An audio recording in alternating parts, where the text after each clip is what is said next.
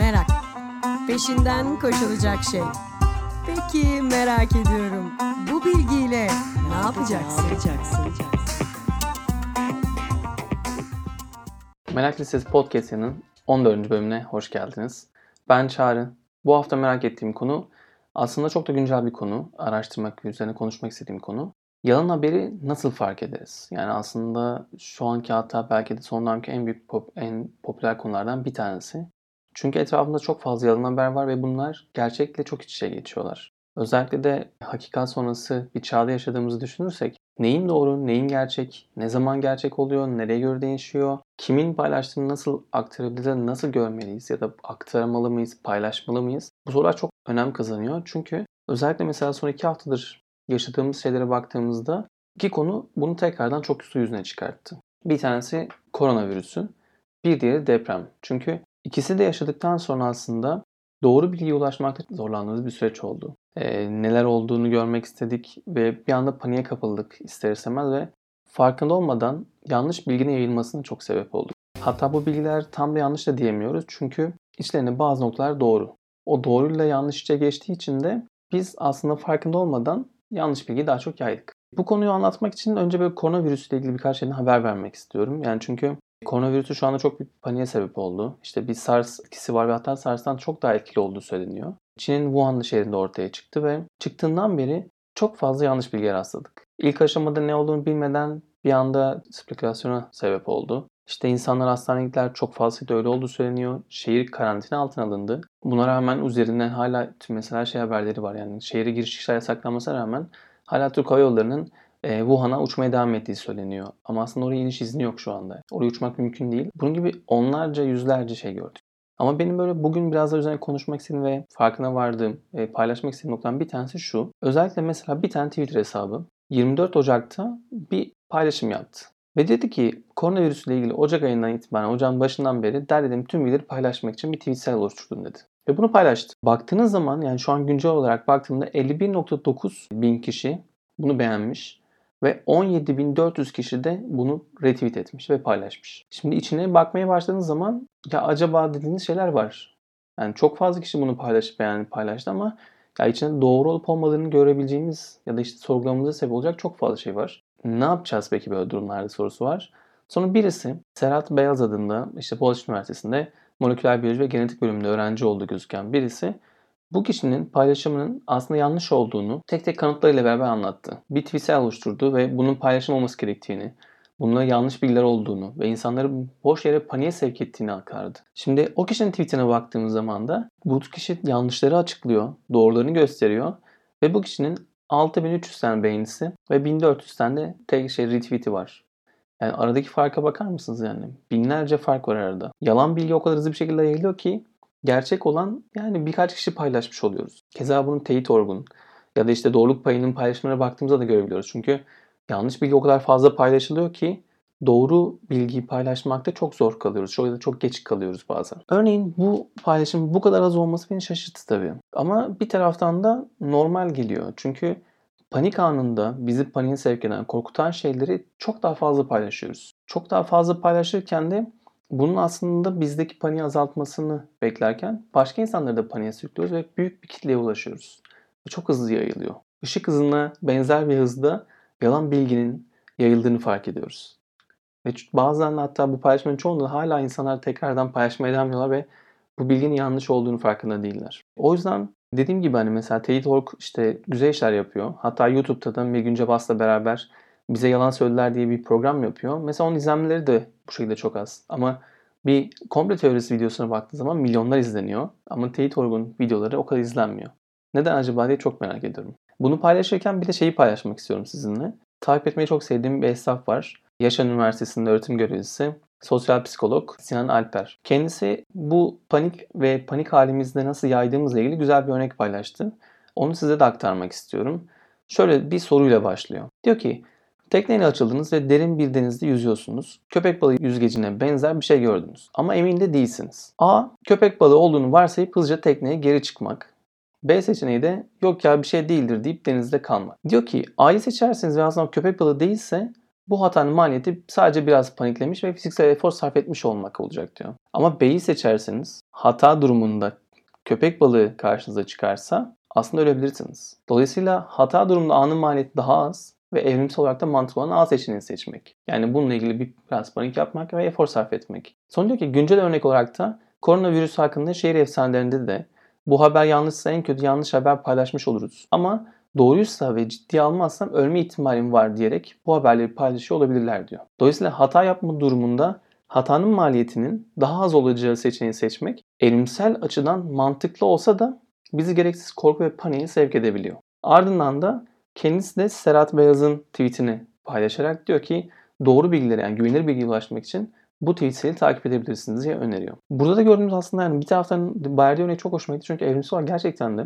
bir şeyin daha az maliyetli olduğunu görmek ya da işte bizim daha az efor sarf edeceğimizi görmek o riski almayı kolaylaştırıyor. Bu da belki de gerçekten de panik halindeyken yalan haberlerin hızlanmasının bir neden, büyük nedenin bir tanesi oluyor. Artı olarak ikincisi de deprem konusu. Şimdi ben bunları anlatıyorum ama aslında birazdan da bu yalan haberleri nasıl fark edeceğimizi de anlatmaya çalışacağım. Yani şimdi öncelikle Elazığ depremi çok korkuttu gerçekten. Öncelikle herkes geçmiş olsun ve kaybettiklerimizin mekanı cennet olsun. Ne yazık ki deprem sırasında da güvenemediğimiz birçok şey gördük. Haberler gördük, paylaşılan fotoğraflar, videolar vardı ve bunların birçoğu aslında Elazığ'a ait değildi ya da Malatya'da çok etkilendi ve Malatya'da ait değildi. Ama hızlı bir şekilde o kadar çok paylaşılmaya başlandı ki ürkütücü bir hal aldı. Ve burada da yine biz hakikat sonrası çağımızda neyin doğru, neyin yanlış olduğunu yine teyit etmeden, öngörmeden, bakmadan, kontrol etmeden, sorgulamadan hızlıca paylaştık. Ve bu da aslında birçok kişi için bir panik hal yarattı. Özellikle benim için sevdiğim insanlara ulaşamıyor olmak çok daha fazla zorluyor. Ve bu da onlardan bir tanesi oldu aslında. Çünkü panik anındayken ulaşabilmeye ihtiyacımız var. Bir iyi olup olmadığını öğrenme ihtiyacı hissediyoruz.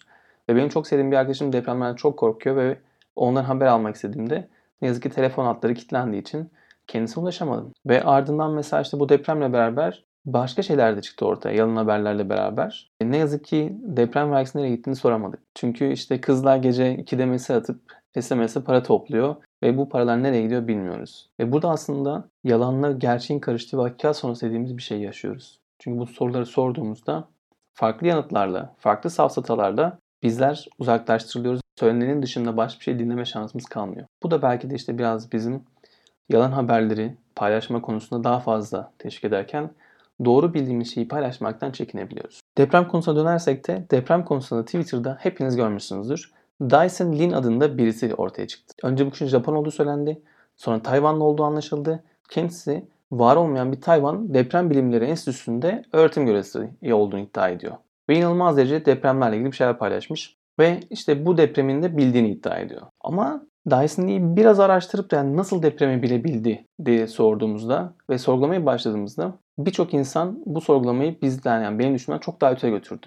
Ve Dyson Lee'nin kim olduğunu, neler yaptığına baktılar ve Dyson Lee'nin aslında Tayvan'da insanları gereksiz yere paniğe sevk etmekten bir para cezası aldığını gördüler. Ve bu kişinin depremlerle ilgili sürekli tweetler attığını, insanları paniğe sevk ettiğini ve bozuk saat misali bazen de tutturduğunu görebiliyoruz. Kendisi de bir deprem uzmanı da değil. Ama nedense Türkiye'de bir anda insanlar bu kişiyi deprem uzmanı olarak görmeye başladılar ve sürekli paylaşıyorlar. Ve yine birçok insan bu kişinin aslında şarlatan olduğunu, gerçekte böyle bir uzmanlığı ve bilgisi olmadığını paylaşmasına rağmen daha farklı bir şekilde o panik halindeki insanların yine paylaşımları Dyson Lee'nin paylaşımları arttı. Ama bunun öyle olmadığını ve farklı aslında yalan söylediğini, şarlatan olduğunu paylaşan kişilerin yine paylaşım oranları çok az yine bizim için yalan olan şey doğru ve gerçekten daha hızlı yayıldı. Bu da aslında bizim çağımızın en büyük korkularından bir tanesine getiriyor bizi. Ardından da Dyson'da bir de çıktı. Bir deprem kiti satmaya başladı. Bu konuda bir arkadaşın çalışmasını çok beğendim gerçekten de. E, Dyson'ın satmaya çalıştığı şeyin aslında deprem ölçtüğünü iddia ediyor ve bununla ilgili bütün her şeyini araştırıp çok uzun bir tweet oluşturup aslında bu cihazın hiçbir şey ölçmediğini, ölçemeyeceğini çok net bir şekilde ortaya koydu. Ama dediğim gibi hani yine onu çok görmemiş olabilirsiniz ama Dyson Dean adı büyük ihtimalle bizle beraber uzun süre anılacak ve belki de içimizin hala birileri Dyson Dean'in bir deprem uzmanı olduğunu düşünerek kendisini takip etmeye devam edecekler. Çünkü hakikat sonrasılık aslında böyle bir şey. Bilmediğimiz şeylerin peşine sürükleniyoruz. Bir taraftan bunlar zorlayıcı şeyler. Özellikle deprem gibi doğal afetler daha da paniklememize sebep oluyor ve Sinan Alper'in verdiği örnek burada da işliyor aslında. Bir de gelin yani ben bunları anlattım iki örneği. Anlattıktan sonra bazı şeyler paylaşmak istedim. Özellikle nasıl yalan haberi fark edebileceğimizi konuşmak için bu oyunlardan yola çıkmak benim için iyi geldi. Çünkü yalan haberi ayırt etmenin yolu aslında o kadar da kolay değil. Birçok aşamadan geçmek gerekiyor. Eleştirel beceri, eleştirebilme becerisi, sorgulama becerisi ve işte kritik düşünce becerisi gerektiriyor. Ve bir taraftan da analitik bir düşünceyle beraber farklı yerdeki tonelleri birbiriyle kıyaslayıp onu görmek lazım. Bununla ilgili benim çok hoşuma giden iki örnek var. Bir tanesi bir öğretmen, kendisi Scott Bedley, öğrencileriyle uydurma haberleri nasıl ayırt edebileceğini düşünmeye başlamış. Yani çünkü öğrencilerin çok fazla bunun uydurma haberleri gördüğünü fark edince ne yapabileceğini düşünüyor ve öğrencileriyle beraber hani nasıl bir şey yapsa onların aslında gördükleri şeyin gerçekten olup olmadığını, güvenilir bir şeylerden paylaşıp inanabilecekleri bir şey olup olmadığını görmek istiyor. Ve bununla ilgili biraz araştırdıktan sonra öğrencilerine bir oyun tasarlıyor. Ve oyunla beraber öğrencileri doğrularını bulmaya çalışıyorlar. Ya da bir haberin gerçek olup olmadığını teyit etmeye çalışıyorlar. Onu sorguluyorlar, görüyorlar. Ve bu oyun o kadar etkili olmuş ki öğrencilerin çoğu mesela teneffüse çıkmayı reddetmişler ve Scott Bailey ile beraber bu oyunu devam ettirmişler. 7 adım üzerinden Scott Bailey bunu ölçmeye çalışıyor. Adımları şöyle. Birincisi ilk yapmamız gereken şey aslında telif hakkına bakmak. Yani ilk haberi kim ortaya atmış? Nereden çıkmış? Yazı mı, görsel mi? Onun telifi kime ait? Bunu görebilmek gerekiyor. Çünkü aslında haber dediğimiz çoğu şeyin gerçekten de anlatan kişiler çok önemliler. Çünkü güvenilir bir kaynak olup olmadığını görmeye ihtiyacımız var. İkincisi başka kaynaklardan bunu teyit etmek. Yani bu konuda alternatif kaynaklar neler diyor? Ya da farklı düşünen birileri varsa onlar bu konuya nasıl yaklaşıyorlar? Tek bir tarafın düşüncesine bakmamak gerekiyor. Ardından bu kaynağın güvenilirliğini değerlendirmek gerekiyor. Yani bu kişinin daha önce yaptığı paylaşımlar gerçekten güvenilir mi? Yoksa kendisi aslında sık sık yalan haberler paylaşan birisi mi? Belki de internet trollü de olabilir. Yani bu daha önceki paylaşımlarında baktığınız zaman bir güven veriyor mu? Bu çok kritik bir şey. Ardından diyor ki dördüncüsüne yayınlanma tarihine bakmak. Çünkü karşımıza çıkan hatta teyit orgun işte bize yalan söylediler şeylerinin birçoğunda paylaşılan fotoğraflar ya da görüntülerin aslında yıllar öncesine ait olduğunu görüyoruz. Dolayısıyla gerçekten de yayınlanma tarihi çok kritik. Beşinci noktada yazarın konu hakkındaki uzmanlığını değerlendirmek. Yani aslında bakmamız gerekiyor. Yani bu kişiyi araştıran kişi gerçekten nereye dayandırıyor? Kimden bilgi almış? Nasıl teyit etmiş? Mesela Dyson Dean. Yani bu aşama geldiğimizde Dyson Dean'in kim olduğunu araştırmak gerekiyor. Önce paylaşmadan önce. Hem biraz hakikat sonrasılık hem de biraz hazırcılık diyelim buna. Bizim aslında bunu yok sayıyoruz, es geçiyoruz ve bu adımlar yerine direkt paylaşmayı tercih ediyoruz. Ve altıncı adımda diyor ki önceki bilgilerimle uyuşuyor mu? Yani daha önce bu konu hakkındaki duyduğum, okuduğum, gördüğüm, araştırdığım şeylere uyuyor mu bu bilgi? Bunun karşılıklı bir karşılaştırmasını yapmak, incelemek gerekiyor. Ardından da son aşamada gerçekçi mi? Yani bazı şeyler çok da gerçekçi gözükmüyor. Acaba gerçekten gerçekçi mi diyor. Ve bu 7 sorunun da tıkandığımız ya da cevap vermemiz bir şey varsa gerçekten de bu bir uydurma haber olduğunu söyleyebiliyoruz. Aslında çok kolay bir şey. Hayatımıza aldığımızda bu 7 aşamaya geçirmek öğrendikten sonra çok da kolay ve çok da pratik denemek gerekiyor. Ardından mesela şimdi Almanya çocuklara yalan haberleri öğretmek üzerine bir ders vermeye başladılar. Okullarda artık yalan haber dersleri var.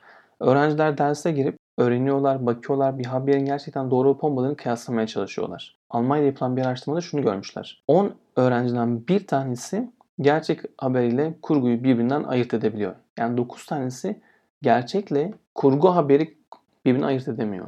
Çok zor bir şey. Yani düşünsenize %90'ı bunu yapamıyor. Bu çok büyük bir oran. Dolayısıyla hakikat sonuç çağında en çok üzerine durmamız gereken noktaların bir tanesi bu. Gerçekle kurgu arasındaki farkı nasıl ayırt edebileceğimiz. Scott Bate'nin yöntemi çocuklarla yap- yaptığı bir şey ama bence bizim için çok pratik. Çok da hızlı öğrenebileceğimiz bir şey. Keza aynı şekilde teyit olgu takip etmek, bir paylaşımın onlardan geçtikten sonra, süzgeçten geçtikten sonra görmek çok çok önemli. Çünkü bence çok şanslıyız. Yani teyit olgu sahip olmak, doğruluk payına sahip olmak, onların bu bilgiler hakkındaki görüşlerini, uzmanlıklarından görmek bence çok büyük bir şans. Çünkü birçok yerde yok bu. Bizim sanırım artık biraz da kendimizde şey sorgulamamız lazım. Yalan haberle gerçek haberi nasıl ayırt edebileceğimizi görmek için kendimizde de bazı şeyi sorgulamak gerekiyor. Biz nasıl bir inanç şekline sahibiz? Nereden duyduğumuzda, kimi takip ettiğimizde onun sözlerine güveniyoruz, inanıyoruz. Ve bir taraftan da aslında Türkiye gibi bir yerde şey de çok kritik. Bir kişinin söylediği şeye çok fazla bakıyoruz ve genellikle altındaki araştırmasına ya da şeyine bakmadan bunları çok kolay kabul edebiliyoruz ve komplo teorilerine çok fazla aşırız. Birisi çıkıp herhangi bir konu hakkında bir komplo teorisini sunduğunda sorgulamadan kabul edebiliyoruz.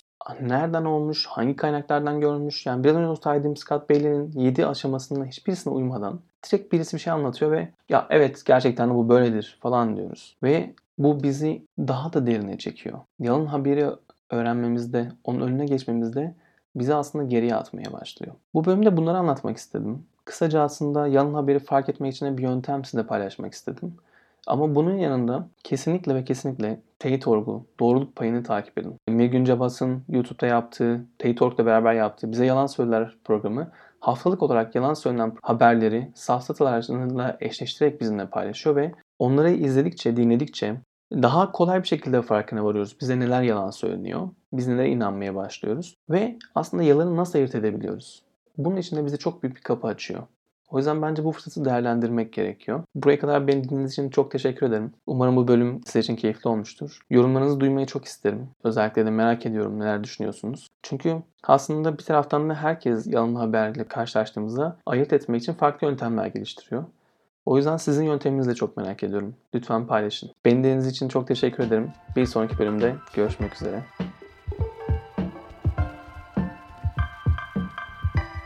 Merak Listesi podcast yayınını dinlediniz. Bir sonraki bölümde görüşmek üzere. Heyecanla kalın.